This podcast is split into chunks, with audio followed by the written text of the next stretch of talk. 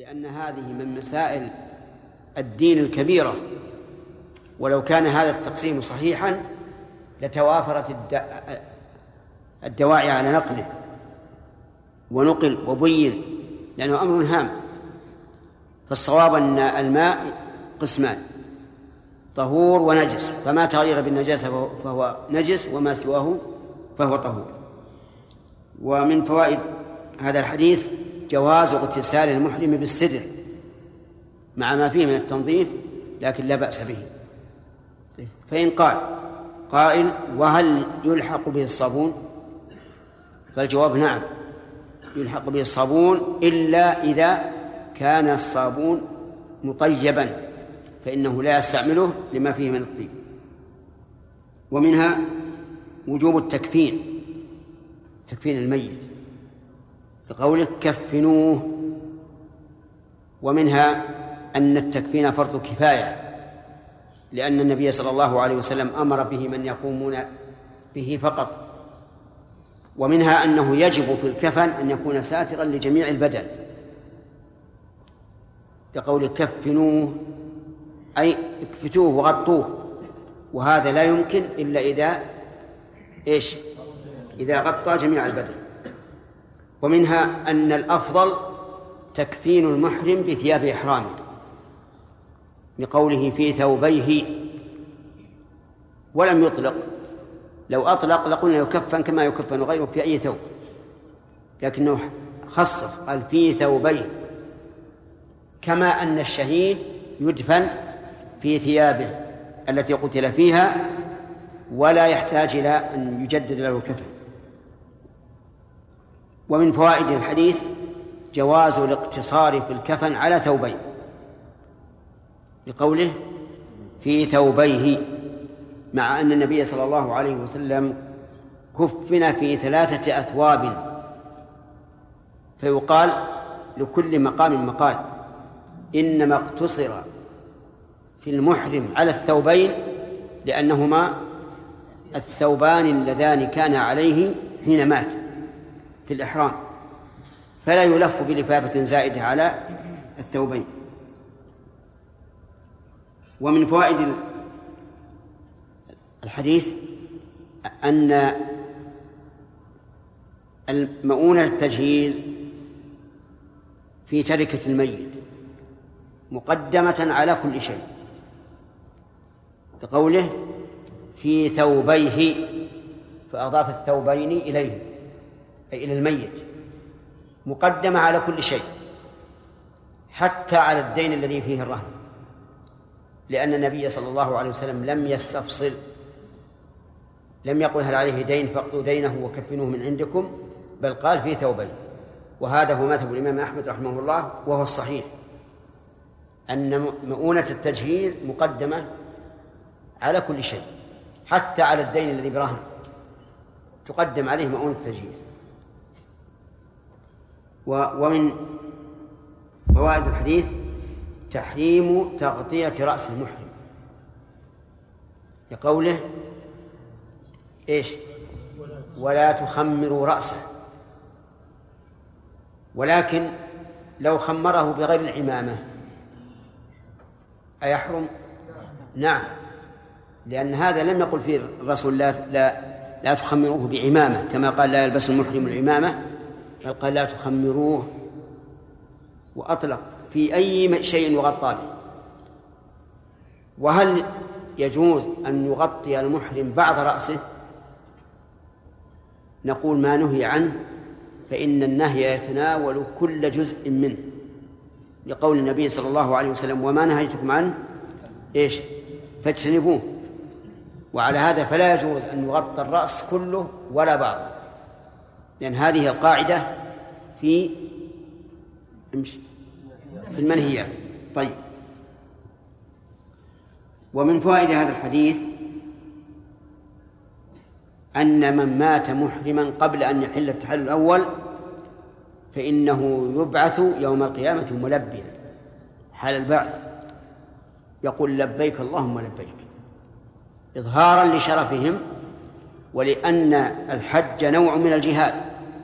فكما أن الشهيد يبعث يوم القيامة وجرحه يثعب دما اللون لون الدم والريح ريح المسك ليتميز المجاهدون على غيرهم في هذا الموقف العظيم. فكذلك الحجاج والمعتمرون إذا ماتوا في حجهم وعمرتهم يبعثون يوم القيامة يقولون لبيك اللهم لبيك إظهارا لعملهم الصالح الذي ماتوا عليه. ومن فوائد الحديث إثبات البعث يقول يبعث يوم القيامة.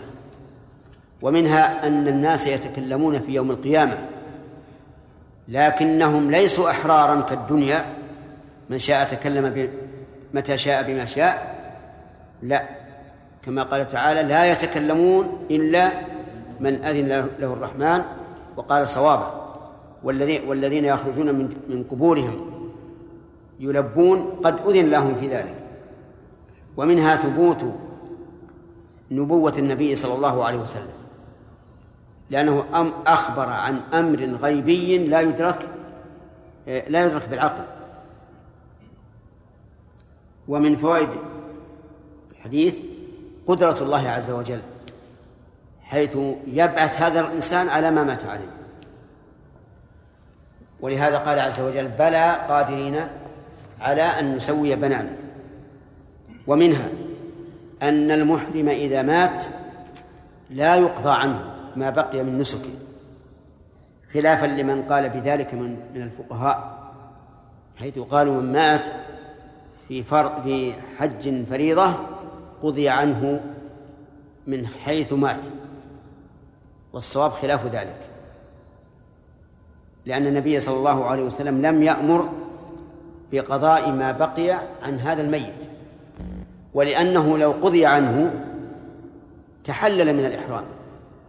وفاتت هذه الفضيلة وهي أنه يبعث يوم القيامة ملبيا. ومنها أنه لا ينبغي للإنسان عند الإحرام أن يقول إن حبسني حابس يعني عن إتمام النسك فما حلي حيث حبستني لأنه لو قال ذلك ثم مات حل ولم يبعث يوم القيامة ملبيا.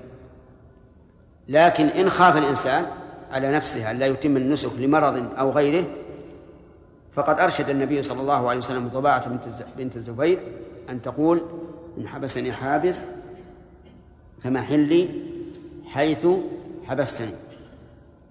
ومنها جواز الاستفتاء استفتاء من كان مشغولا بذكر أو غيره إذا دعت الحاجة إلى ذلك. لأن هؤلاء الصحابة استفتوا النبي عليه الصلاة والسلام وهو واقف بعرفة. ولم ينههم ولم يكفهم. لدعاء إيش؟ الحاجة إلى ذلك. فإن قال قائل هل الأفضل أن يقطع الذكر ويفتي أو الأفضل أن أن يستأذن من السائل؟ أن يكمل ذكره. الجواب ينظر للحال. ينظر للحال. إن كان الحال تقتضي المبادرة بالإفتاء فليفته. وإفتاؤه بالعلم خير من التسبيح. لأن العلم وتعليم الناس أفضل من التسبيح. وإن كان الأمر في سعة فليقل انتظر. لأن بعض الناس إذا إذا قطع أحد عليه ذكره أو قراءته تخربط فلا يدري أين وقف فيلتبس عليه الأمر. نعم.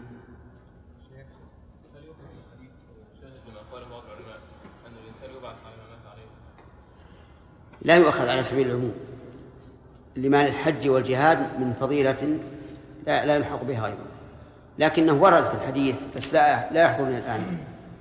صحة هذا الحديث أن المؤمن يبعث على ما مات عليه. نعم. إيش؟ زيادة ولا رأسه ولا وجهه. إيش؟ ولا وجهه سيأتينا سيأتينا. من اللي من اللي يقول شيء؟ يلا سليم.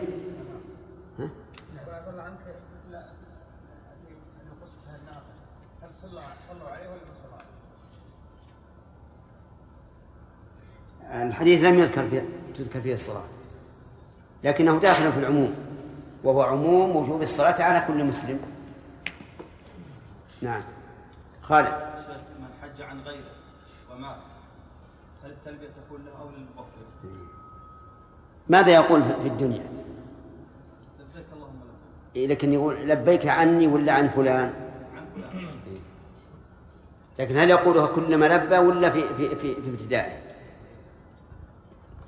الله أعلم الحديث يقول إنه يبعث يوم القيامة ملبيا وقد ورد في من حج عن نفسه. فمن حج عن غيره فالله أعلم. نعم.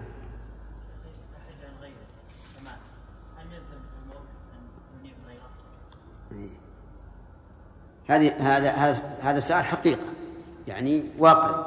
هل إذا آه لم يكمل النائب نسكه ومات هل يلزم من أنابه إذا كان حجه فرضا أن يقوم بالحج أو أن يقيم من يحج عنه. بمعنى هل إنه تم نسكه ولا حاجة؟ كما لو مات في هو في فريضته نفسه. يعني هل يلزم أن يقيم من يحج عن من يحج عنه أو نقول هذا الذي حج عنك يكون لك أجره حيا وميتا. الظاهر الثاني. يعني أن يقال لمن أنابه حجك الآن تم ولك أجر الحج كاملا. نعم. وحدثنا أبو الربيع الزهراني قال حدثنا حماد عن عمرو بن دينار وأيوب, وأيوب عن سعيد بن جبير عن ابن عباس رضي الله عنهما قال بينما رجل واقف مع رسول الله صلى الله عليه وسلم بعرفة إذ وقع من راحلته قال أيوب فأوقصت أو قال فأقعصت وقال عمرو فوقصت فذكر ذلك للنبي صلى الله عليه وسلم فقال اغسلوه بماء وسدر وكفنوه في ثوبين ولا تحنطوه ولا تخمروا رأسه. قال أيوب فإن الله يبعثه يوم القيامة ملبيا. وقال عمرو فإن الله يبعثه يوم القيامة يلبي. وحدثنيه عمرو عمرو الناقد. قال حدثنا إسماعيل بن إبراهيم عن أيوب قال نبئت عن سعيد بن جبير عن ابن عباس رضي الله عنهما أن رجلا كان واقفا مع النبي صلى الله عليه وسلم وهو محرم فذكر نحو ما ذكر حماد عن أيوب.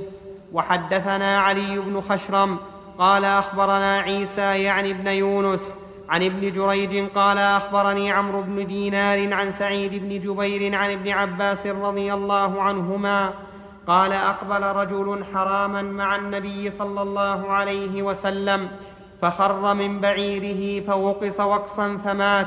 فقال رسول الله صلى الله عليه وسلم اغسلوه بماء وسدر وألبسوه ثوبيه ولا تخمروا رأسه فإنه يأتي يوم القيامة يلبي. وحدثناه عبد بن حميد.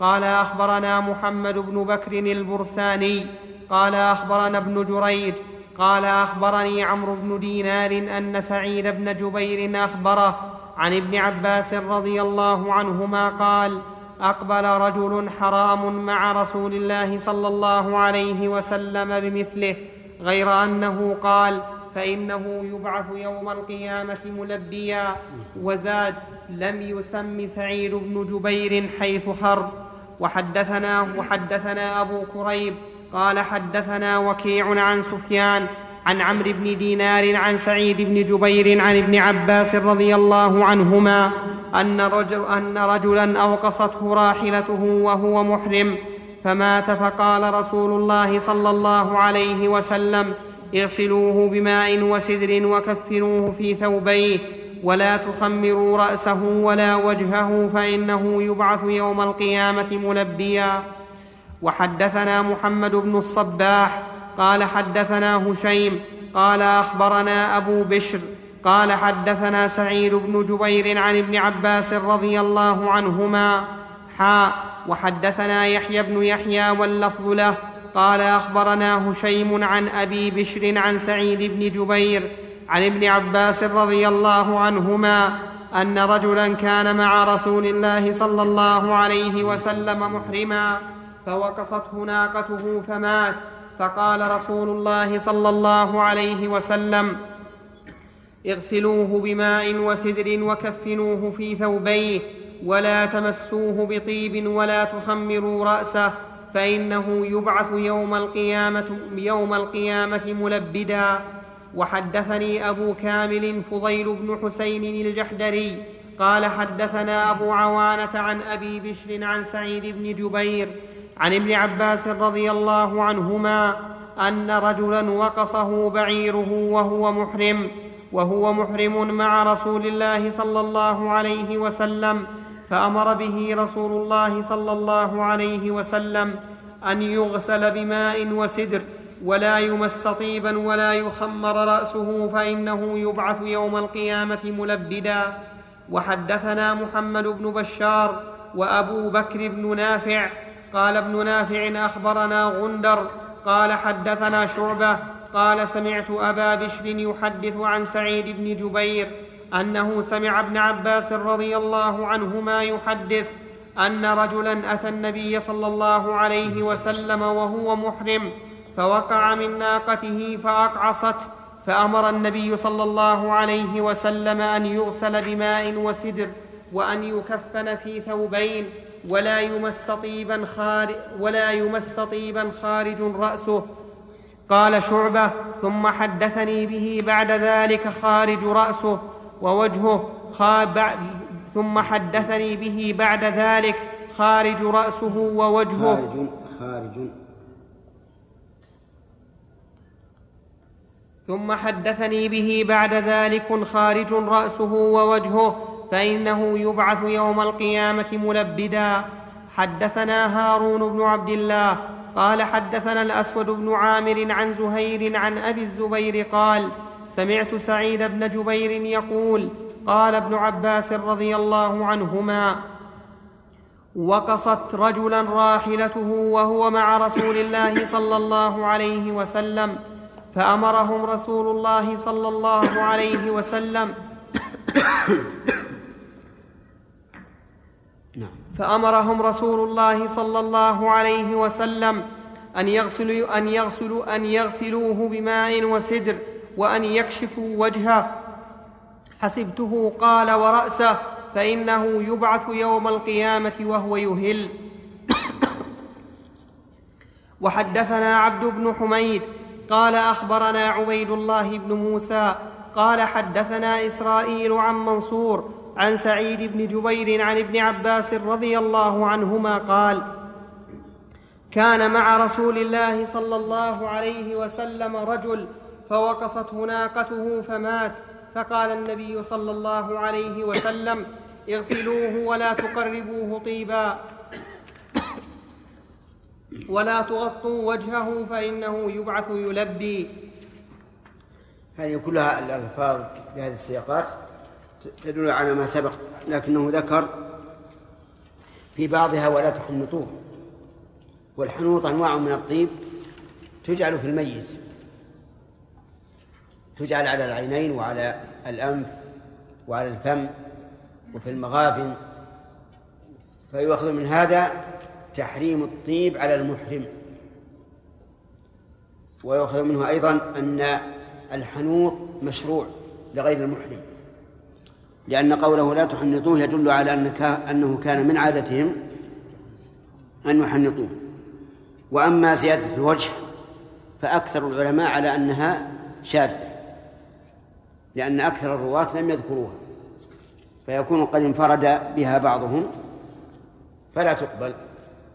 ومن العلماء من قال إنها ليست بشاذة لأن هذا لا ينافي ما أثبته غيره مما شاركه فيه. فيؤخذ بالزائد. ولا شك أن الاحتياط أن لا يغطى وجهه أيضا. فإن قال قائل إذا لم نغطي وجهه صار فيه آه، مثلة. إذا مررنا به أمام الناس لنصلي عليه وندفنه صار نوع من المثلة وربما يكون وجهه على على خلاف ما هو فيه في الحياة من الإضاءة والوضاءة. فيقال يمكن أن يجعل عليه مكبة كما يجعل على المرأة في النعش. نعم.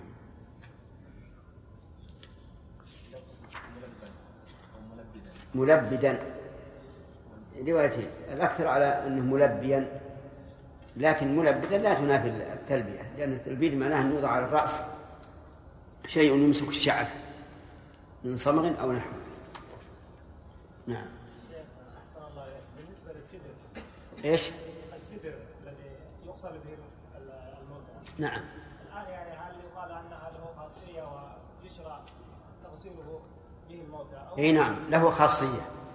الخاصية أنه ينظف الجسد وأنه بارد. ليس كالإشناب. والإشناب موجود في عهد الرسول عليه الصلاة والسلام لكنها هذا أحسن الصابون إيه فضل الصابون. الصابون لا ينبغي استعماله إلا للحاجة. مطلقا عموما. لأن الصابون منظف لكنه يحك الجلد. ولهذا تجد الجلد بعد الصابون يكون محمرا. نعم. أحسن الله إليك. التلبيد يغسل عن رأس الميت لعموم قوله اغسلوه أو يترك لأنه يبعث يوم القيامة ملبدا لا يترك. ما يغسل رأسه. يترك. لأنه لا ي- لا يمنع من غسل الرأس. يغسل وهو ملبد. ما يروح يا شيخ. يختلف الظاهر. الظاهر الظاهر يختلف. كما لو كان. لكن الرسول لم يأمر بإزالة ال- التلبيد. وأمر بغسله نعم. ثلاثة؟ طيب. نعم.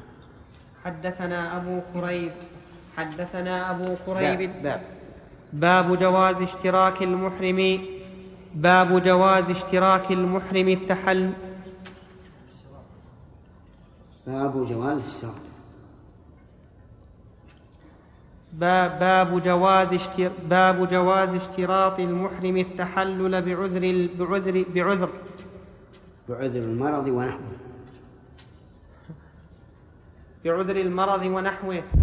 حدثنا أبو كريب محمد بن العلاء الهمداني قال حدثنا أبو أسامة عن هشام عن أبيه عن عائشة رضي الله عنها قالت دخل رسول الله صلى الله عليه وسلم على ضباعة بنت الزبير فقال لها أردت الحج؟ قالت والله ما أجدني إلا وجعه. فقال لها حجي واشترطي وقولي اللهم محلي حيث حبستني وكانت تحت المقداد. وحدثنا الترجمة باب جواز اشتراط المحرم التحلل بعذر المرض ونحوه. وذلك عند عقد الإحرام. إذا كان الإنسان مريضا ويخشى أن لا يتم نسكه فإن الأفضل أن يشترط. فيقول بلسانه إن محلي أي مكان حلولي أو زمن حلولي حيث حبستني يخاطب ربه عز وجل لأنه سيقول لبيك اللهم لبيك لبيك لا شريك لك لبيك ومحلي حيث حبستني. وعلم من الترجمة أن غير الخائف لا يستثني. ولا يشترط وهو كذلك. وهذا هو الذي تجتمع به الأدلة لأن النبي صلى الله عليه وسلم أحرم ولم يشترط وأرشد ضباعة عمته ضباعة بنت الزبير بن عبد المطلب أرشدها إلى إيش؟ أن تشترط. وقد انقسم العلماء في هذه المسألة إلى إلى ثلاثة أقسام. منهم من قال ينبغي أن يشترط بكل حال. ومنهم من قال لا يشترط بكل حال. ومنهم من فصل وقال الخائف أن لا يتم نسكه يشترط وغيره لا يشترط.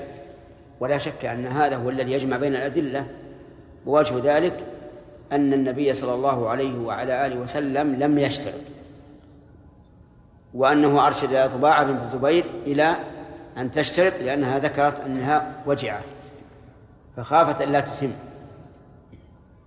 وهل مثل ذلك إذا خافت المرأة أن تحيض وهي في عمرة وتخشى أن تحيض فتحبس فتنحبس وتحبس أهلها؟ الجواب نعم مثل مثلها. مثل ذلك من كانت تخشى أن يأتيها الحيض قبل إتمام النسك فتشترط وتنوي الحيض.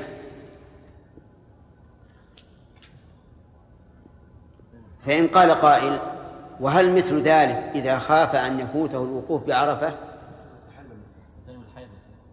وهل وهل مثل ذلك إذا خاف أن يفوت الوقوف بعرفة؟ نعم. يجوز إذا خاف أن يفوت الوقوف بعرفة أن يشترط فيقول إن حبسني حابس فمحلي حيث حبستني. فما فاته الوقوف تحلل بدون شيء. والحائض كما قلت لكم إذا إذا كانت تخشى أن يأتيها الحيض قبل أن تحل من إحرامها فلها أن تشترط ما, ما تقولون؟ تشترط سمعنا تشترط الحيض ولعل تشترط التحلل لا. الحائض إذا كانت تخشى. المرأة إذا كانت تخشى الحيض فإنها تشترط. شيخ. نعم. أحسن الله إليك. ذكرتم بأن الحائض إذا خشيت الحيض فإنها تشترط. ألا ترون أحسن الله إليكم أن عائشة رضي الله عنها مع أنها كانت تتوقع الحيض لأن عادة النساء هو علمهن بقرب زمن الحيض. نعم. ومع ذلك لم تشترط. نعم. مع أنها كانت حاضرة النبي لما دخل على ضباعة بنت الزبير قبل الحج. فما رأيكم أحسن الله إليك؟ أولا إن من من يدري أو ماذا يدرينا أن عائشة تعلم أن الحيض سيأتيها قبل أن تتم العمرة لأن يعني هي كانت معتمرة. فلعل حيضها تقدم على عادته فحصل هذا. وربما يتأيد ذلك بكون الرسول صلى الله عليه وسلم دخل عليها وهي تبكي. كأنها ما قدرت أن تحيض حتى تؤدي العمرة صلى الله عليه نعم. إيش؟ إذا لم يكن سبب. هذه المسألة إذا سؤال جيد. يعني إذا قلنا بأنه لا يشترط إلا من خاف أن لا يتم نسكه. فهل إذا اشترط وهو لا يخاف ذلك هل ينفعه الشرط؟ الظاهر أنه لا ينفعه الشرط لأنه أتى بشيء غير مشروع. أتى بشيء غير مشروع إذ لا يشرع الاشتراط إلا للخائف. وإذا كان النبي صلى الله عليه وسلم قال من عمل عملا ليس عليه أمرنا فهو رد فنقول هذا الشرط ليس عليه أمر الرسول عليه الصلاة والسلام فيكون باطلا غير مؤثر. وأما على قول من يقول إنه يشرع مطلقا فظاهر أنه ينتفع بذلك. نعم لو كان خايف من السلطات ترجعه مثلا لو كان إيش؟ لو كان الشخص خايف ان السلطات ترجعه من قبل مكه إي نعم. يشترط. يعني لو كان الإنسان يخشى أن يرد ويمنع من إكمال النسك فليشترط. ثلاثة. ثلاثة ثلاثة. باقي سؤالين يا شيخ. ها؟ باقي سؤالين. الباب إذا كان جديد خمس أسئلة. لا مو هو أول واحد. خمس أسئلة في الحديث. إيه ثم ما بدأ. أخذنا خمسة؟ لا هذا أخذنا ثلاثة. شرف. بارك الله فيكم. هل محل حل ما هو الضابط في المرض أو شبهه الذي يحدث به نعم. هذان سؤالان يا محمد. طيب الأول. طيب الأول هل الأفضل أن يقول أن إن حبسني حابس فمحلي حيث حبستني أو أن يقول فلي أن أحل. والفرق بينهما. أنه إذا قال فلي أن أحل صار بالخيار. إن شاء حل وإن شاء لم يحل. أو الأفضل أن يقول إن آه، إن حبسني حابس فمحلي حيث حبستني حيث أرشد النبي صلى الله عليه وسلم طباعة إلى ذلك لئلا يشق الإنسان على نفسه لأنه ربما يقول إن هذا الحابس أستطيع أن أودي النسك فيه ولو على مشقة. فأرشد النبي عليه الصلاة والسلام إلى أن يكون الإحلال في زمن الحبس حتى لا يثقل الإنسان على نفسه.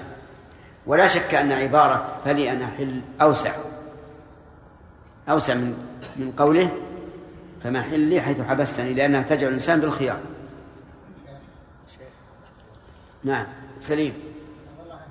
بالنسبة للحيض للنساء مع مع التعب ومع ومع السفر هو في الأزمان الأخيرة ذي ينزل عليها الحيض الحيض قبل العادة صحيح.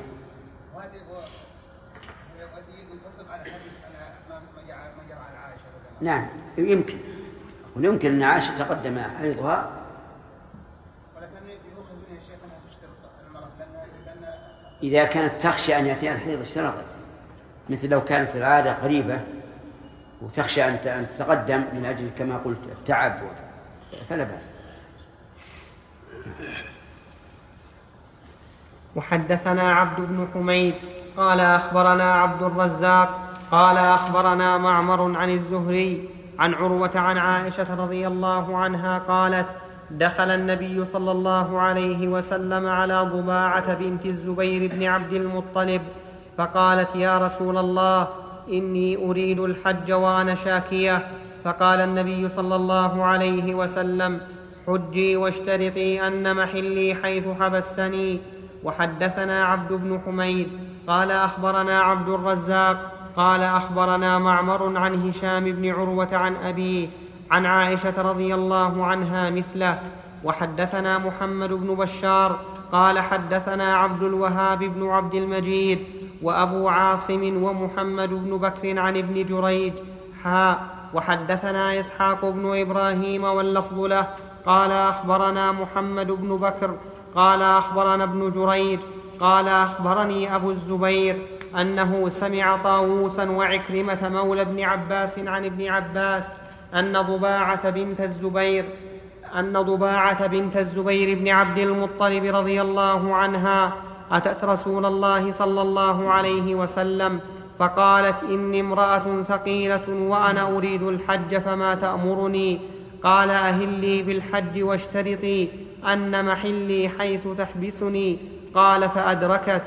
حدثنا هارون بن هذا لا ينافي اللفظ الأول أنها شاكية لأنه يمكن أن يجتمع المرض والثقل والثقيل قد يحبسه المرض اليسير عن إكمال النسك.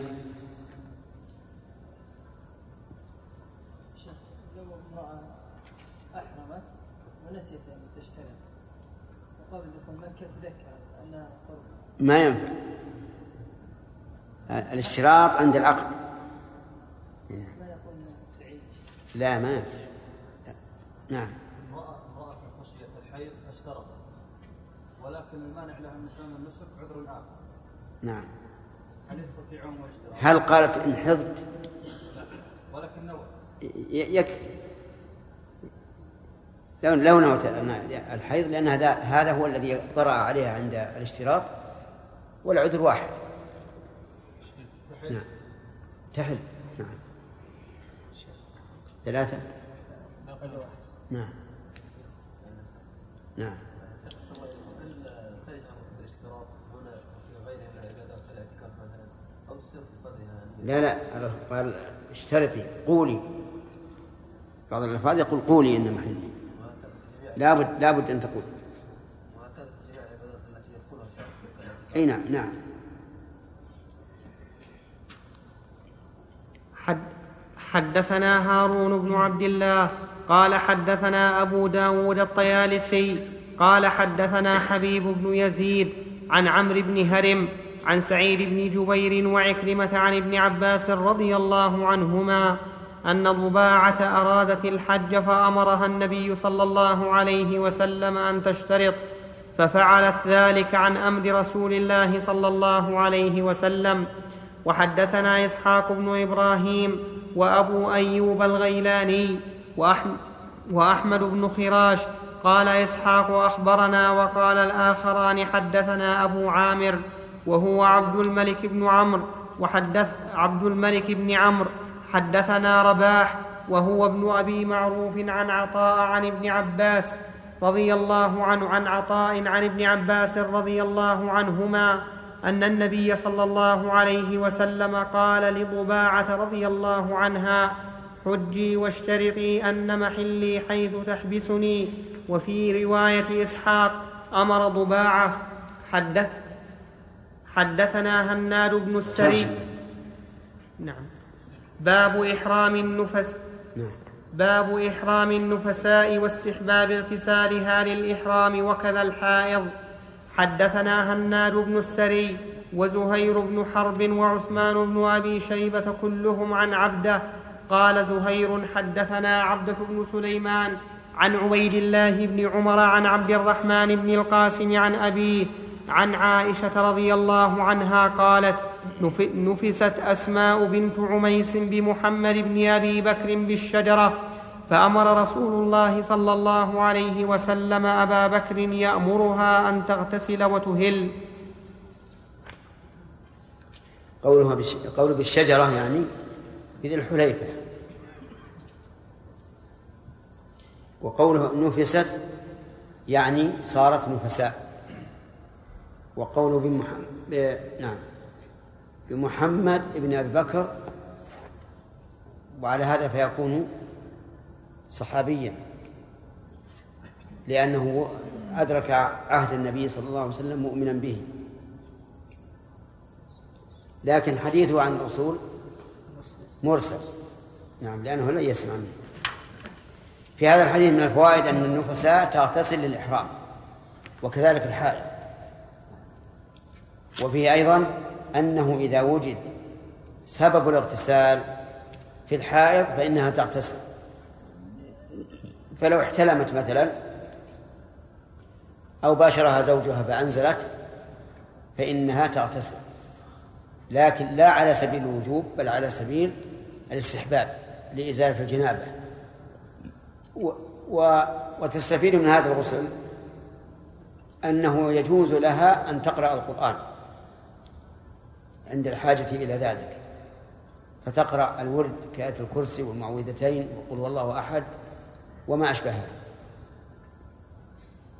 ثم أيضا فائدة أخرى وهي أن الملائكة لا تمتنع عن الدخول إلى بيت هي فيه. لأن الملائكة يعني إذا اغتسلت لأن الملائكة لا تدخل بيتا فيه جنوب.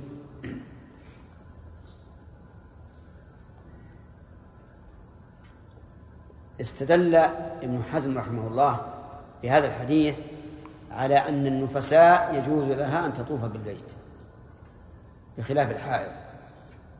فإن الحائض قد ثبت عن النبي عليه الصلاة والسلام أنها لا تطوف. قال لعائشة افعلي ما يفعل الحاج غير أن لا تطوف بالبيت. وقال حين أخبر أن صفية قد حاضت قال أحابستنا هي. لكن نفاس ابن حزم إنه لا بأس أن تطوف وهي نفساء. ووجه استدلاله أن النبي صلى الله عليه وسلم لم يقل لها افعلي ما يفعل الحاج غير أن لا تطوفي بالبيت كما قال لعائشة. ومن المعلوم أن زمن النفاس يطول في الغالب. إلى كم؟ إلى أربعين. وهو إذا كان حيضها في اليوم السادس والعشرين من من القعدة لم يبقى على الحج إلا خمسة عشر يوما ولكن جمهور العلماء على خلاف قوله. وقالوا إن هذا من ظاهريته رحمه الله. لأن بينها وبين الحج خمسة عشر يوم. والنفس قد تطهر في هذه المدة.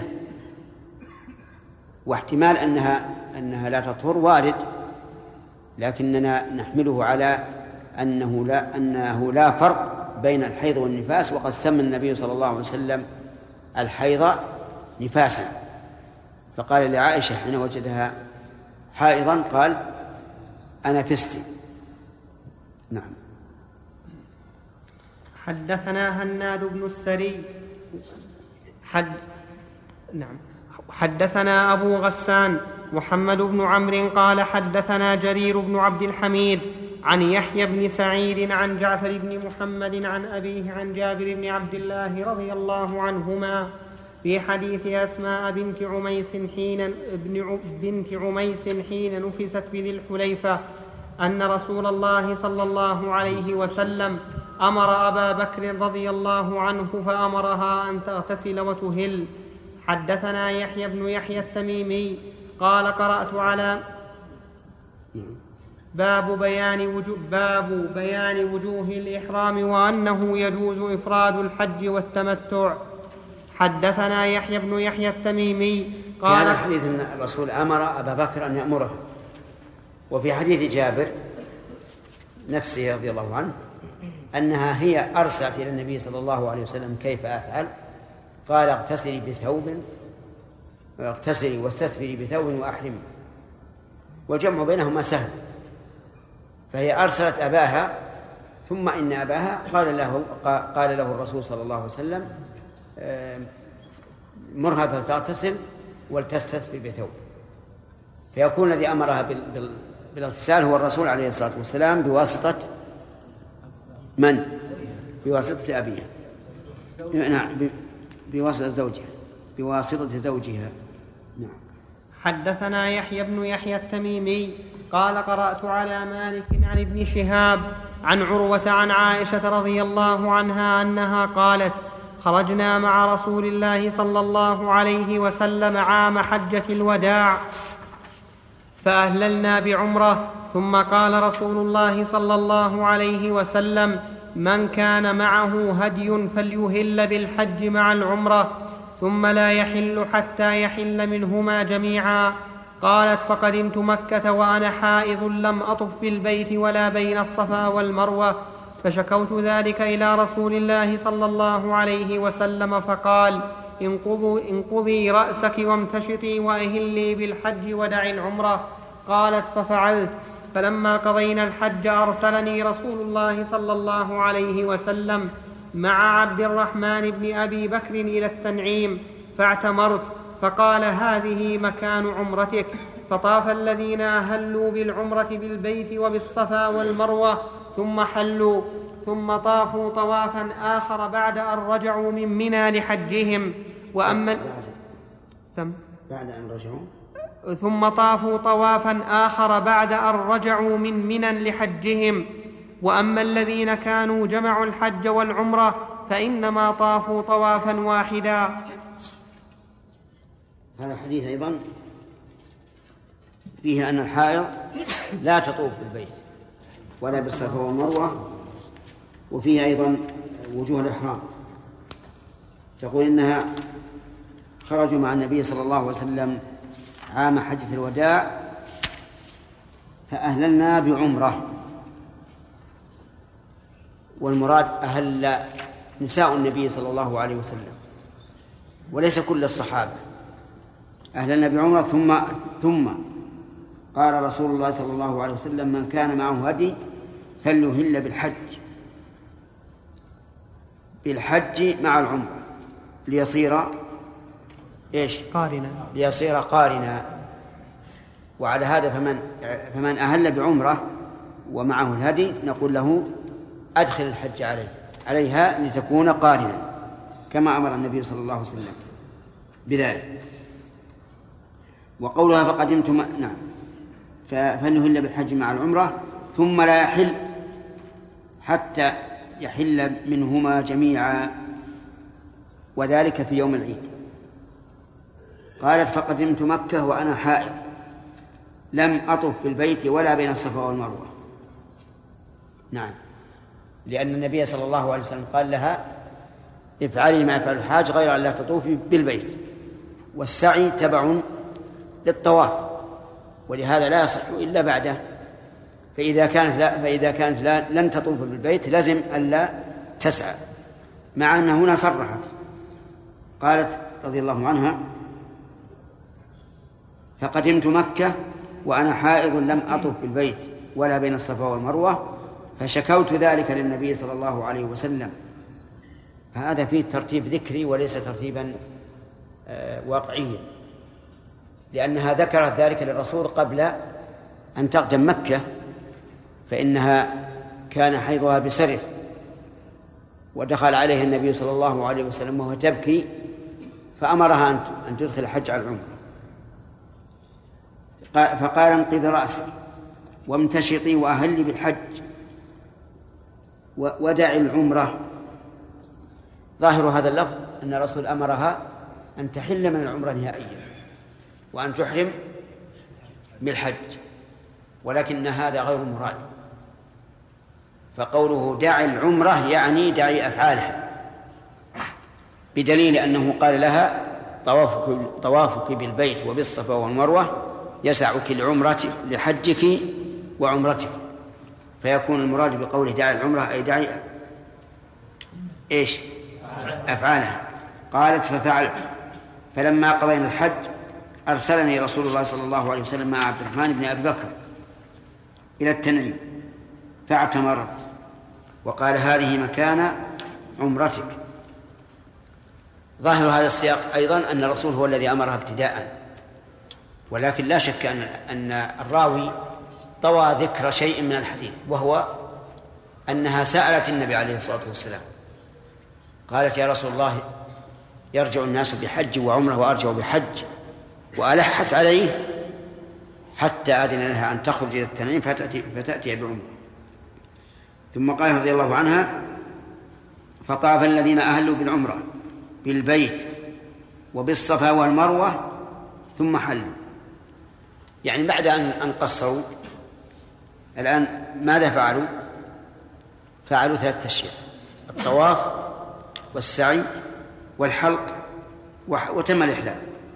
ثم حلوا ثم طافوا طوافا آخر بعد أن رجعوا من منى لحجهم يعني طافوا طوافا آخر أي بين.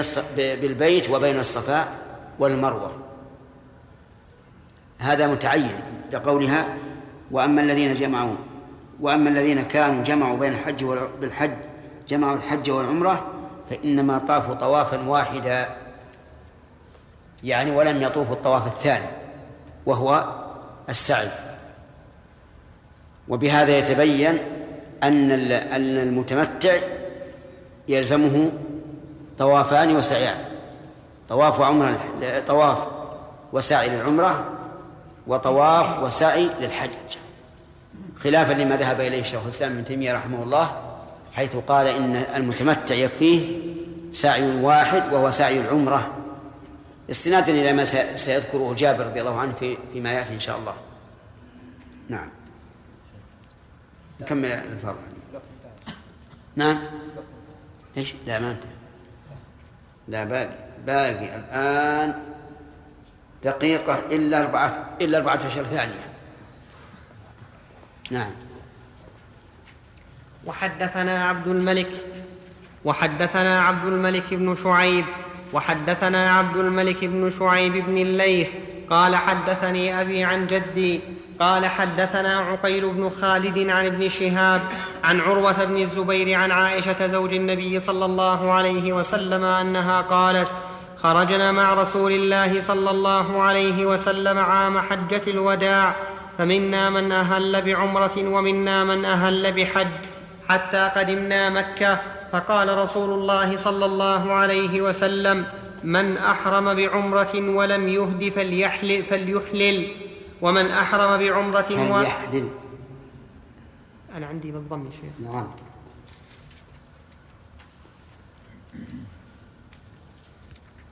من أحرم بعمرة ولم يهد فليحلل. ومن أحرم بعمرة وأهدى فلا يحل حتى ينحر هديه. ومن ومن أهل بحج فليتم حجه.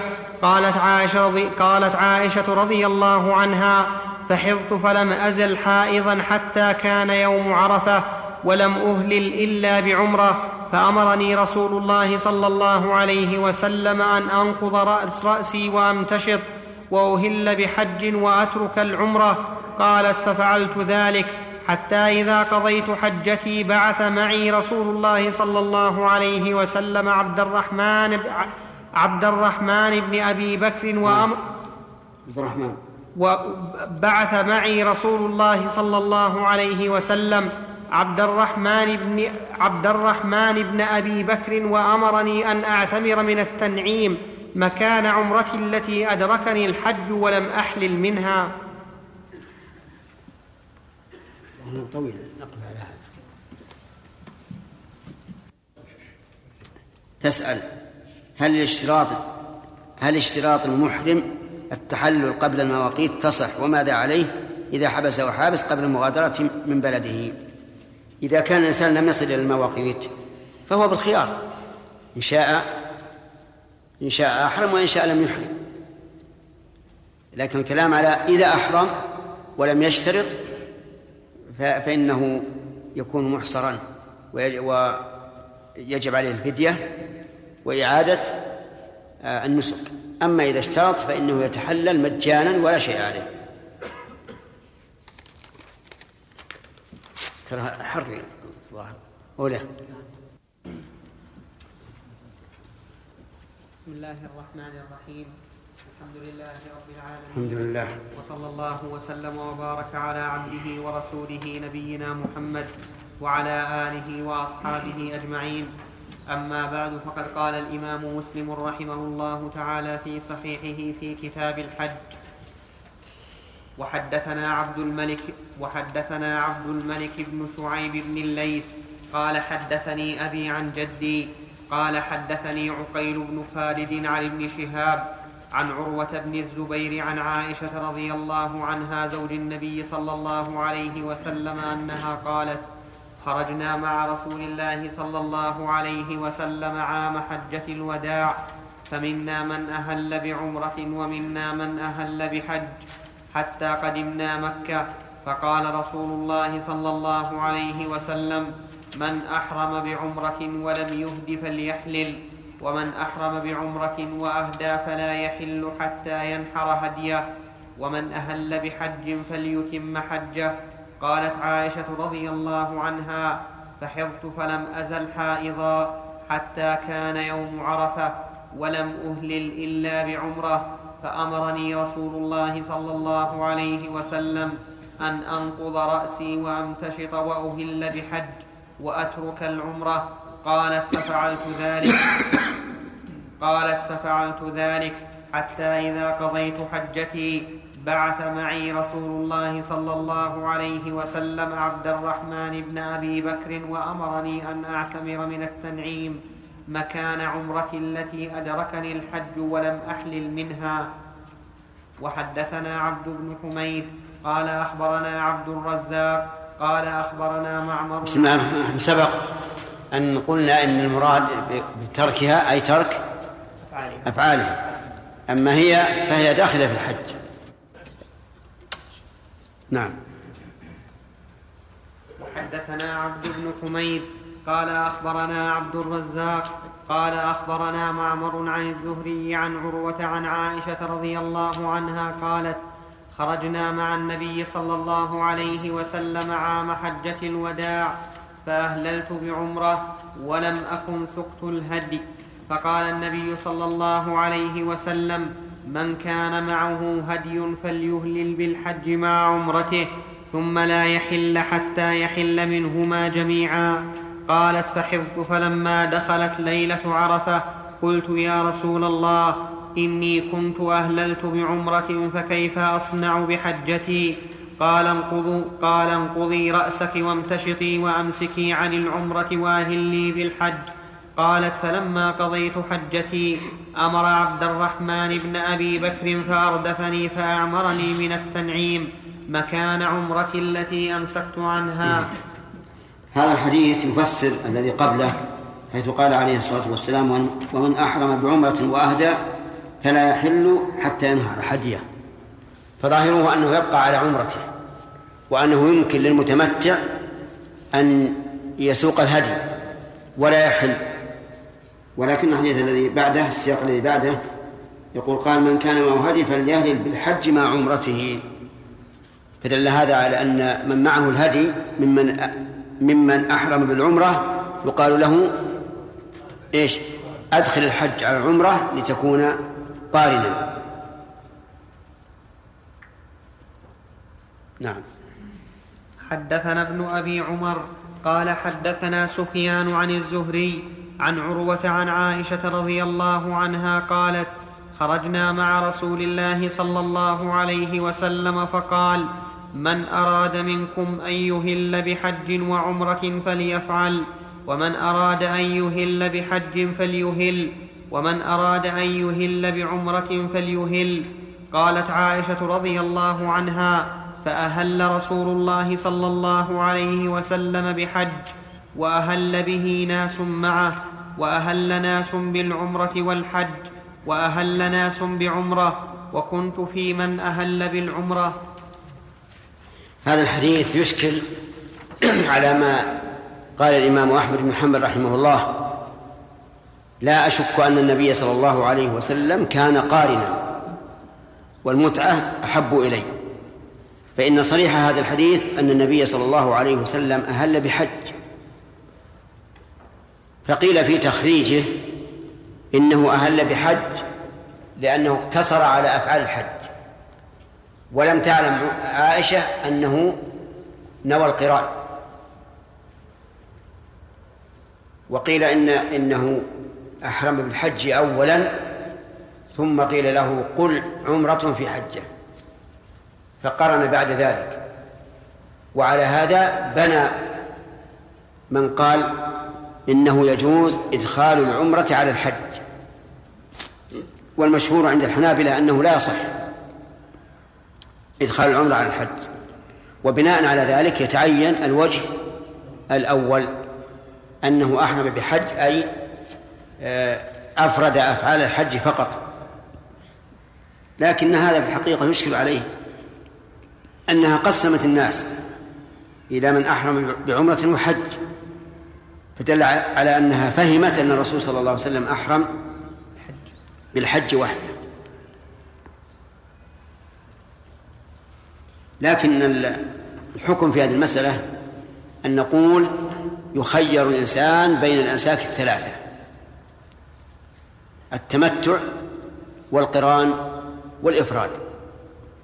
فالتمتع أن يحرم بالعمرة ويحل منها ويحج من عامه والقرآن أن يحرم بهما جميعا.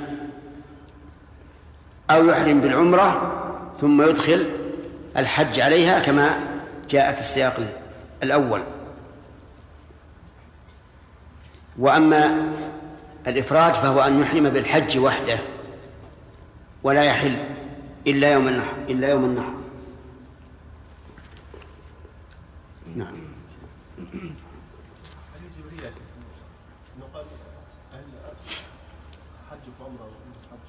ما يدل على المعنى الثاني على إيش؟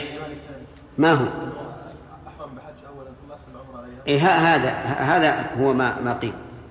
هذا هو ما قيل. ولكن قيل أنه أمره أن أن يقول حج وعمرة قبل أن يحرم صلي في هذا الوادي المبارك وقل عمرة في حجة أو عمرة وحجة. قالوا فقول الصلي وقل يدل على أن هذا قبل الإحرام لأن الرسول أهل بعد أن بعد أن صلى. نعم شيخ بارك الله فيكم هل يؤخذ من هذا الحديث جواز الانتشاط للمحرم آه، بالنص من قول عائشة؟ أي نعم وهو كذلك لكن يمتشط برفق. شيخ لكن هل هل هذا مثلا بالنسبة لإزالة الشعث والغبار نعم. ما- يشكل عليه هذا الشيء؟ ما يشكل على هذا لا يشكل عليه. كما مر علينا في قصة ابن عباس والمس- والمسور وأبي أيوب. بين لهم أبو أيوب أن الرسول كان يفعل هذا. نعم.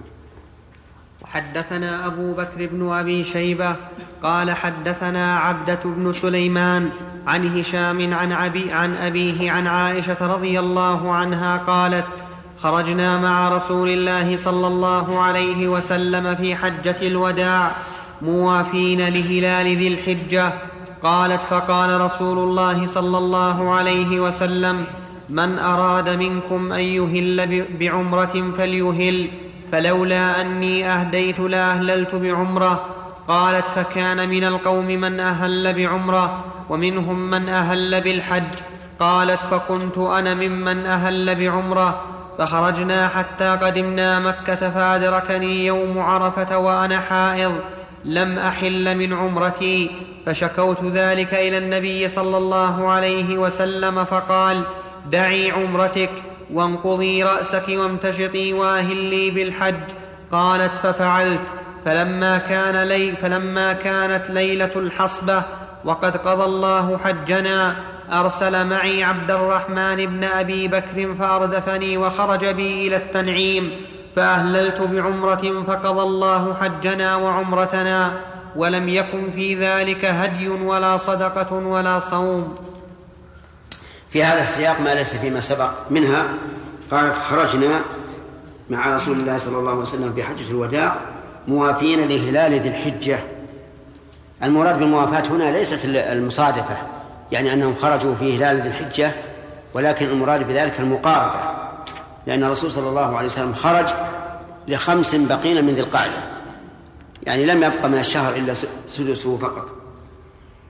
وقولها رضي الله عنها أدركني يوم عرفة وأنا حائض سبق أنه أنها أنها طهرت في ذلك اليوم. وقال لها لا محل من عمرتي لأنها لا يمكن أن تحل إلا بطواف وسعي وهذا ممتنع على الحائض. وقولها رضي الله عنها فلما كان كانت ليلة الحصبة. ليلة الحصبة هي ليلة الرابع عشر من شهر ذي الحجة. وسميت بذلك لأن الحجاج ينزلون بالحصبة التي تسمى الآن الأبطح. ينزلون فيها. وقد اختلف العلماء رحمهم الله في هذه الليلة أي في التحصيب في هذه الليلة هل إن الرسول عليه الصلاة والسلام آه، هل إنه نزل فيها تعبدا وتنسكا فيكون من المشروع للحجاج إذا أنهوا حجهم أن يبيتوا تلك الليلة في هذا المكان أو إنه نزل عليه الصلاة والسلام لأنه أسهل لخروجه وأيسر. وليس من باب التعبد. فإذا قلنا بذلك فإنه لا يشرع للناس أن ينزلوا في في المحصن. ويشبه ذلك والله أعلم نزوله صلى الله عليه وسلم في نمرة. هل نزلها تعبدا أو نزلها من أجل آه، تسهيل الوقوف لأن نمرة كان فيها أشجار وكانت مريحة. ولذلك أذن النبي صلى الله عليه وسلم أن تضرب له قبة في نمرة ولم يأذن أن تضرب له قبة في منى. لأن منى منسك محل نسك بخلاف بخلاف نمرة. فمن العلماء من قال إن هذا النزول بنمرة ليس من ليس من توابع الحج والنسك ولكنه من أجل الراحة.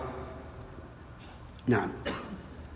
وحدثنا أبو وقولها لم يكن بذلك هدي ولا صدقة ولا صوم يعني زائد عن الواجب في الأصل. وإلا من المعلوم أن المتمتع والقارن يلزمهما آه الهدي. نعم. شيخ بارك الله فيكم. متمسك من قال القارن له أن يتمتع. أن الذي ساق الهدي له أن يتمتع. إيش؟ مر معنا في شرح الزاد. نعم. الحنابلة أن من أن الذي ساق الهدي نعم. له أن يتمتع. نعم. يطوف ويسعى ثم يقصر ولا يحل إلا من ينوي الحلال لا ولا يقصر ما يقصر. ولا يقصر. لا. طيب هل متمسكتم الحديث الذي مر معنا؟ اي لكن بينا لكم وجهه؟ أقول بينا لكم وجهه. إن الرسول أمرهم أن يدخلوا الحج على العمرة. ولا وجه له لأن كيف يكون متمتع وهو لا يحل؟ اين أين المتعة؟ نعم. وحدثنا أبو كريب قال حدثنا ابن نمير قال حدثنا هشام عن أبيه عن عائشة رضي الله عنها قالت خرجنا موافين مع رسول الله صلى الله عليه وسلم لهلال ذي الحجة. لا لا نرى أو لا نرى إلا الحج. ما عندنا أو لا نرى. عندك أو لا نرى؟ هي مشكولة النون بالفتح وال- والضم. لا ما أنا عندي لا نرى وعليها حركتان فتحة وضمة. أي نعم هو كذلك. في مثل هذا يا شيخ.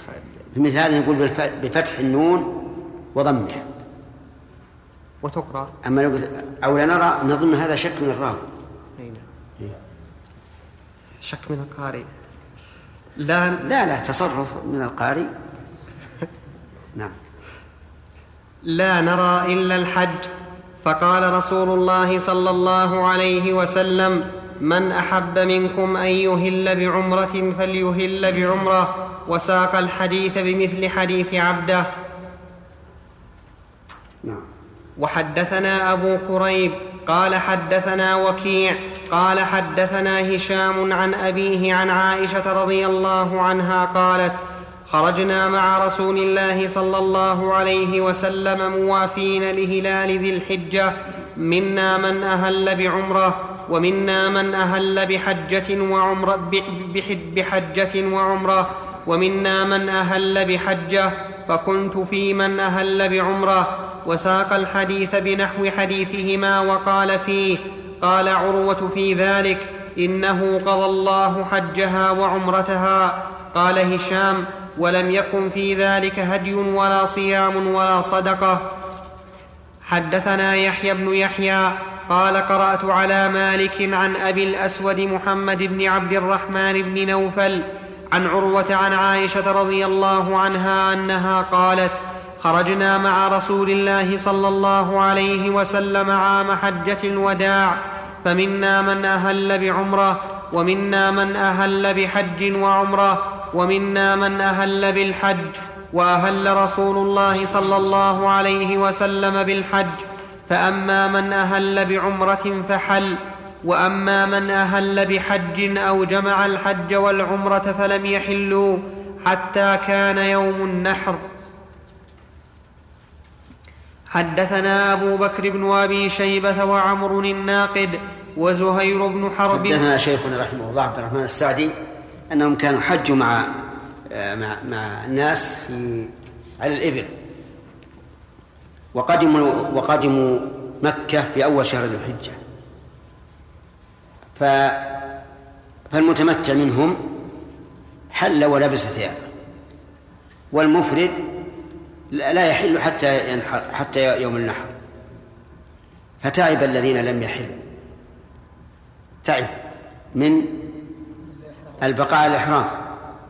فجاءوا يسألون الشيخ رحمه الله هل يمكن أن يتحللوا مثل إخوانهم؟ قال نعم يمكن لكن عليكم الهدي أو الصيام إن لم تستطيعوا. قال ما في مانع نهدي ونصوم ولكن نستريح.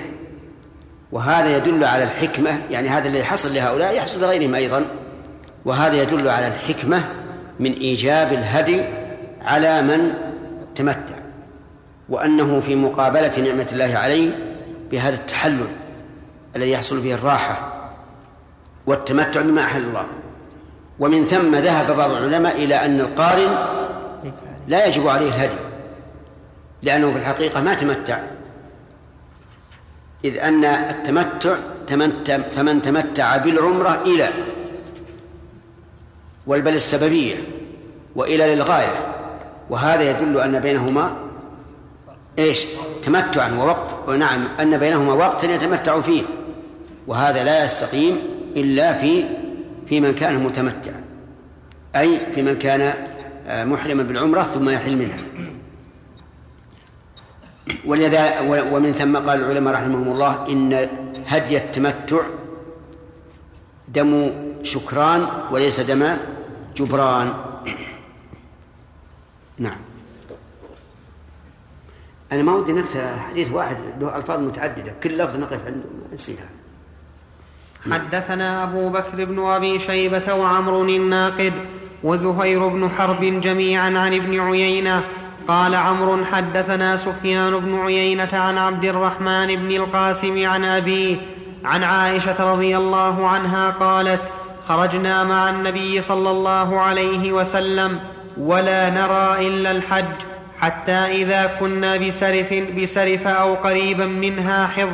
فدخل علي النبي صلى الله عليه وسلم وأنا أبكي فقال أنفستي يعني الحيضة؟ قالت قلت نعم. قال إن هذا شيء كتبه الله على بنات آدم فاقضي ما يقضي الحاج غير أن لا تطوفي بالبيت حتى تغتسلي. قالت وضحى رسول الله صلى الله, صلى الله عليه وسلم عن نسائه بالبقر. حدثني هذا الحديث فيه فوائد لم تسبق. نتكلم عليها قول حتى إذا كنا بسرف أو قريبا منها سرف اسم موضع. قريب من التنعيم. يعني أنهم شارفوا على مكة. وقولها حضت هذه جواب الشرط. فدخل وأنا أبكي. فيه دليل على جواز البكاء للإنسان إذا فاته ما يحب. كما أنه يبكي إذا حصل عليه ما ما يكره. فسبب البكاء إما فوات محبوب وإما حصول مكروه. وقد يبكي الإنسان قد يبكي الإنسان من حصول محبوب. من حصول محبوب. كما بكى أبي بن كعب رضي الله عنه حين قال له النبي صلى الله عليه وسلم إن الله أمرني أن أقرأ عليك لم يكن. فقال أو سماك لي؟ أو سماني لك؟ قال نعم. فبكى رضي الله عنه. قالوا هذا بكاء من الفرح. فأسباب البكاء متعددة. وقوله أنا فستي؟ تقول يعني الحيضة. فيه دليل على فائدتين لغويتين. الفائدة الأولى جواز إطلاق النفاس على الحيض لأن أفصح الخلق تكلم بذلك.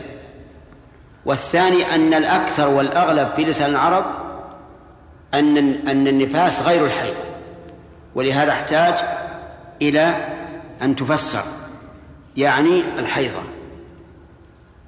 أفهمتم؟ نعم. طيب. أما إذا قيل حيض ونفاس فواضح أن الحيض غير النفاس غير النفاس. ومن من فوائد هذا الحديث أيضا أن أن الحيض كان على بنات آدم من أول الأمر. وليس كما جاء في بعض الإسرائيليات أن أسبابه من نساء بني إسرائيل لقوله إن هذا شيء كتبه الله على بنات آدم. والمراد بالكتابة هنا الكتابة القدرية وليست الكتابة الشرعية. ومن فوائد هذا الحديث حسن خلق النبي صلى الله عليه وسلم الذي ينبغي أن نتأسى به فيه وهو التسلية تسلية الإنسان بما يصيبه من الأحزان فإنه إذا سلي بذلك سري عنه. وزال عنه الألم. وجه التسلية عقيل إيش؟ نعم. أنه قال إن هذا أمر إن هذا شيء كتبه الله على بنات آدم. يعني ليس خاصا بك. ومعلوم أن الإنسان يتأسى بغيره ويتسلى به. فلهذا قال لها النبي صلى الله عليه وسلم ذلك. وتقول الخنسة في رثاء أخيها صخر فلولا كثرة الباكين حولي على إخوانهم لقتلت نفسي. وما يبكون مثل أخي ولكن يسلي النفس عنه بالتأسي. وقد أشار الله تعالى إلى هذا المعنى في قوله ولن ينفعكم اليوم إذ ظلمتم أنكم في العذاب مشتركون. لأن العادة إذا أن الإنسان إذا اشترك معه غيره في عذابه أو عقابه نفعه ذلك وتسلى به. لكن أهل النار لا ينفعهم هذا نسأل الله يعيذنا وإياكم منها. آمين. ومن فوائد هذا الحديث أيضا أن الحائض تفعل كل الأنساك كل الأنساك الوقوف بعرفة. وبمزدلفة وبمنى ورمي الجمار وغيرها لكن لا تطوف بالبيت. وهنا لم يذكر السعي ولكنه قد جاء ذلك في رواية مالك رحمه الله في الموطأ. قال ولا بين الصفا والمروة. وكما يدل عليه السياق السابق في صحيح مسلم أنها قالت إنها لم تطف بين البيت ولا بين الصفا والمروة. وهذا أمر معلوم. لأنه لا يمكن الطواف بين الصفا والمروة إلا بعد الطواف بالبيت. ومنها اشتراط الطهارة للطواف. لقول النبي صلى الله عليه وسلم غير أن لا تطوفي بالبيت حتى تغتسلي ولم يقل حتى تطهري من الحيض. فدل هذا على أنه لابد من الطهارة للطواف. وهذا هو الذي عليه الجمهور. أن الطواف لا بد فيه من الطهارة. ولكن من أي شيء من أي طهارة؟ هل هو من الطهارة الكبرى كط- كطهارة الحيض وطهارة النفاس أو من الطهارة الكبرى والصغرى؟ هذا محل خلاف. الجمهور على أنه من الطهارتين جميعا وأنه لا يصح الطواف بالبيت إلا بوضوء. واختار شيخ الإسلام رحمه الله أنه لا يجب الوضوء في الطواف. واعتماد الجمهور على حديث ابن عباس المشهور الطواف بالبيت صلاة إلا أن الله أباح فيه الكلام. لكن هذا إنما صح موقوفا على ابن عباس رضي الله عنه. ويحتمل عدة احتمالات. أنه صلاة في ثوابه وفضله وإغنائه عن تحية المسجد وما أشبه ذلك. لا أنه يشترط له ما يشت- ما يشترط للطهارة للصلاة. ولهذا قال إلا أن الله أباح فيه الكلام مع أن الله أباح فيه الكلام وغيره مما يحرم في الصلاة. وهذا مما يدل على أن الحديث ليس لا يراد به عمومه حتى وإن كان نعم حتى وإن كان عن ابن عباس. أما عن النبي صلى الله عليه وسلم فلا يصح. ولا شك أن الطواف على الطهارة هو الأولى والأكمل وأن النبي صلى الله عليه وسلم طاف على طهارة بلا شك بدليل أنه طاف ثم صلى خلف المقام ولم ينقل عنه أنه توضأ. لكن كوننا نجعل ذلك شرطا حتى في أضيق الأ- الأحوال يتوقف الإنسان في هذا. يعني مثل لو أن امرأة في طواف الإفاضة في مثل هذا الوقت حصل عليه حدث أحدثت بريح أو ببول أو أو بغيره. ثم خجلت واستمرت في الطواف. ثم جاءت بعد أن رجعت وحلت من إحرامها بعد أن حلت من إحرامها ورجعت إلى بلدها تقول إنه حصل لها كذا. فإن الإنسان سوف يجد حرجا لو قال لها إن طوافك لم يصح ولا بد أن ترجعي بما بقي من إحرامك إلى مكة لتطوفي. أما في حال الساعة فلا شك أنه لا ينبغي للإنسان أن يصلي أن يطوف بلا وضوء.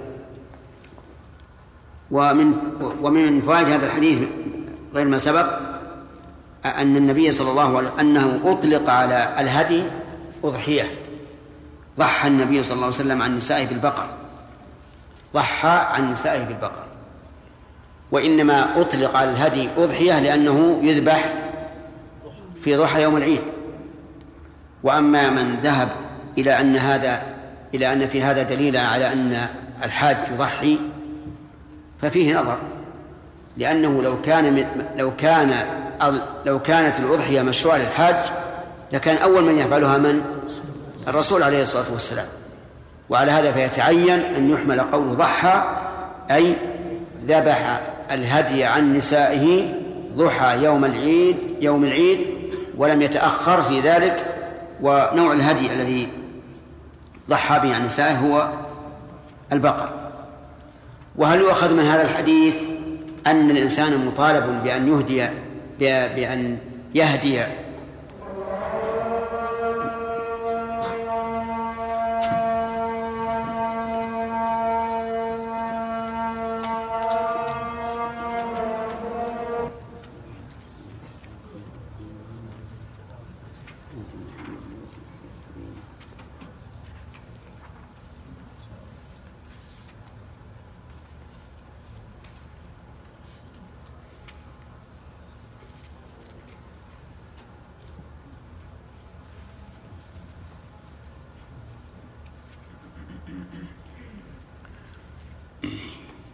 نعم. حدثني أقول هل في هذا الحديث ما يدل على أنه يجب على الزوج أن يهدي عن نسائه؟ الجواب لا. لكنه لا شك أنه من حسن العشرة أن يهدي عن نسائه. نعم.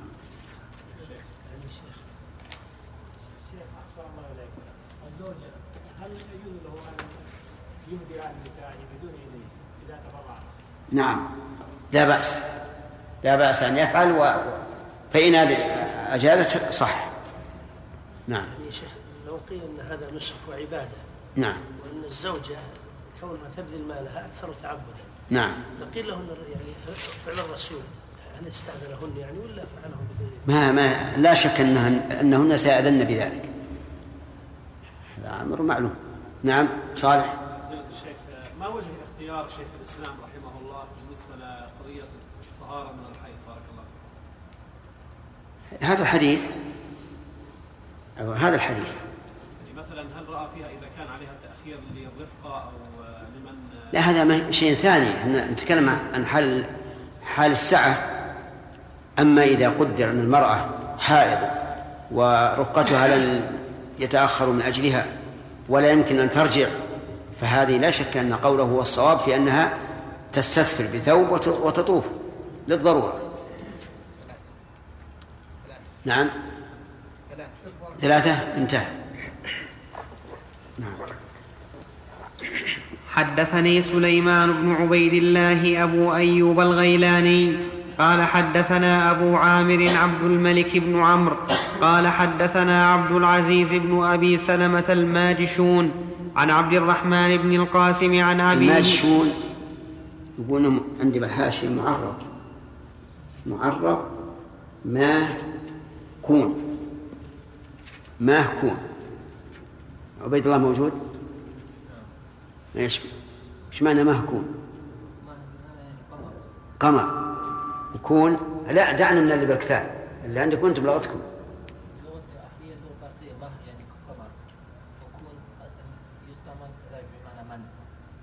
إيه. المهم يقول عندي أن مهكون يعني يشبه القمر. ها؟ المقمر. المقمر؟ ماه معنى المقمر؟ ولا الشون لا كون هي. يعني مهكون في يقال البدر مهكاني. يعني مقمر مقمر إيه. مقمر. يعني بدر. غريب يا أخي، سبحان الله. نعم. يعني كان جميلا وسيما. هذا هو الظاهر. الظاهر أنه كان جميلا. نعم. عن عن عبد الرحمن بن القاسم عن أبيه عن عائشة رضي الله عنها قالت خرجنا مع رسول الله صلى الله عليه وسلم لا نذكر إلا الحج. حتى جئنا سرف فطمثت فدخل علي رسول الله صلى الله عليه وسلم وأنا أبكي فقال ما يبكيك؟ فقلت والله لوددت أني لم أكن خرجت العام. قال مالك؟ قال مال قال ما لك ما لك إيه نعم. قال ما لك لعلك نفست؟ قلت نعم. قال هذا شيء كتبه الله على بنات آدم. افعلي ما يفعل الحاج غير أن لا تطوفي بالبيت حتى تطهري.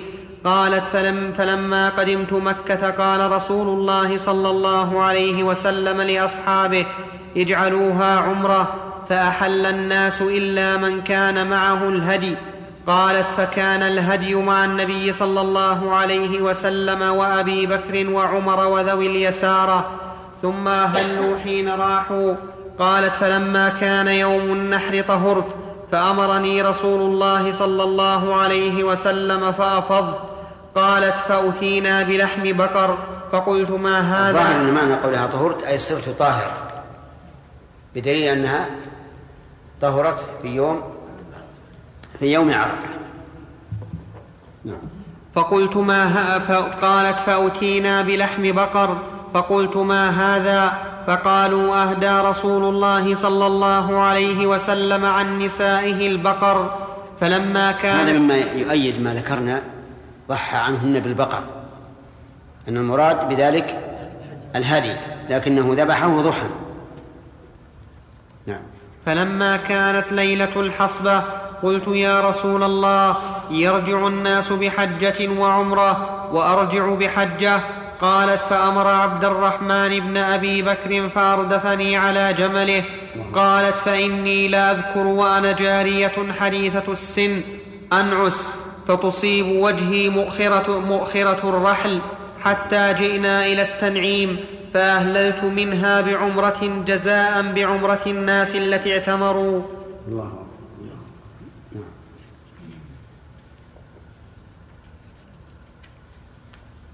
أقرأ يا شيخ إيه. وحدثني أبو أيوب الغيلاني قال حدثنا بهز قال حدثنا حماد عن حماد عن عن عبد الرحمن عن أبيه عن عائشة رضي الله عنها قالت لبينا بالحج حتى إذا كنا بسرف حفظ فدخل علي رسول الله صلى الله عليه وسلم وأنا أبكي وساق الحديث بنحو حديث المارشون غير أن حمادا ليس في حديثه فكان الهدي مع النبي صلى الله عليه وسلم وأبي بكر وعمر وذوي اليسارة ثم أهلوا حين راحوا ولا قولها وأنا جارية حديثة السن انعس فتصيب وجهي مؤخرة الرحل.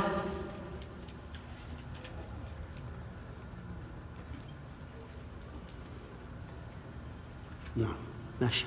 حدثنا إسماعيل بن أبي أويس قال حدثني خالي مالك بن أنس حاء وحدثنا يحيى بن يحيى قال قرأت على مالك عن عبد الرحمن بن القاسم عن أبيه عن عائشة رضي الله عنها أن رسول الله صلى الله عليه وسلم أفرد الحج. وحدثنا محمد بن عبد الله بن نمير قال حدثنا إسحاق بن سليمان عن أفلح بن حميد عن القاسم عن عائشة رضي الله عنها قالت خرجنا مع رسول الله صلى الله عليه وسلم مهلين بالحج في أشهر الحج وفي حرم الحج وليالي الحج حتى نزلنا بسرف فخرج إلى أصحابه فقال من لم يكن معه منكم هدي فأحب أن يجعلها عمرة فليفعل ومن كان معه هدي فلا فمنهم الآخذ بها والتارك لها ممن لم يكن معه هدي. فأما رسول الله صلى الله عليه وسلم فكان معه الهدي. ومع رجال من أصحابه لهم قوة. فدخل علي رسول الله صلى الله عليه وسلم وأنا أبكي. فقال ما يبكيك؟ قلت سمعت كلامك مع أصحابك فسمعت بالعمرة. فمنعت, فمنعت العمره قال ومالك؟ قلت لا أصلي. قال فلا يضرك. فكوني في حجك. فعسى الله أن يرزق ما عندي هذا اللي قلت فسمعت بالعمره بس. فسمعت بالعمره فمنعت العمره قال ومالك؟ قلت لا أصلي. عندكم هذه؟ اي زين. يقول عندي اي هذا موجود النسخة الثانية. فمنعت العمرة نعم. فمنعت العمرة؟ مكتوبة النسخة الثانية. نسخة؟ لا إيه النسخة الثانية اكتبوها نعم. نعم. شو يقول؟ قال القاضي كذا رواه رواه مسلم ورواه بعضهم فمنعت العمرة وهو الصواب. إيه نعم. فمنعت أنا عندي هذا قال وهو الصواب انتهى نووي وهو لفظ البخاري.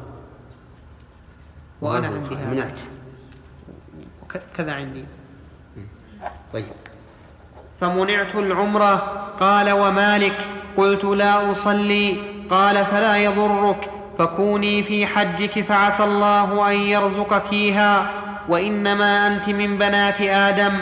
كتب الله عليك ما كتب عليهن. قالت فخرجت في حجتي حتى في هذا الحديث زيادة على ما سبق. من التسلية. فيها الترجية أيضا. فعسى الله أن يرزقك فيه إياه. وهذا يحتمل أن المراد يرزقك إياها بالثواب والأجر ويحتمل أن الرسول عليه الصلاة والسلام ظن أنها سوف تلح على طلب العمرة حتى يحصل لها ذلك.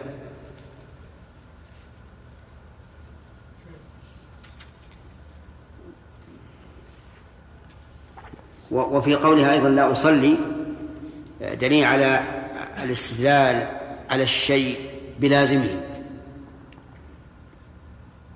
نعم. وجهه؟ من من لازم الحيض ترك الصلاة. أن من لازم وجود الحيض ترك الصلاة. نعم. قالت فخرجت في حجتي. ها. بعض المحدثين صحح حديثا يقول أن لحم البقر فيه فكيف يوفق بينه وبين حديث عائشه؟ يا زكي القرآن نزل من عند الله. عرفت؟ و- ونقلته الأمة. قرنا عن قرن وفردا عن فرد.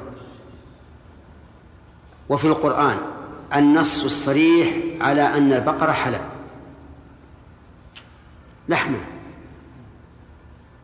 أليس كذلك؟ طيب. فإذا جاءنا حديث يدل على أن لحمها داء قلنا هذا حديث باطل يضرب به وجه صاحبه عرفت؟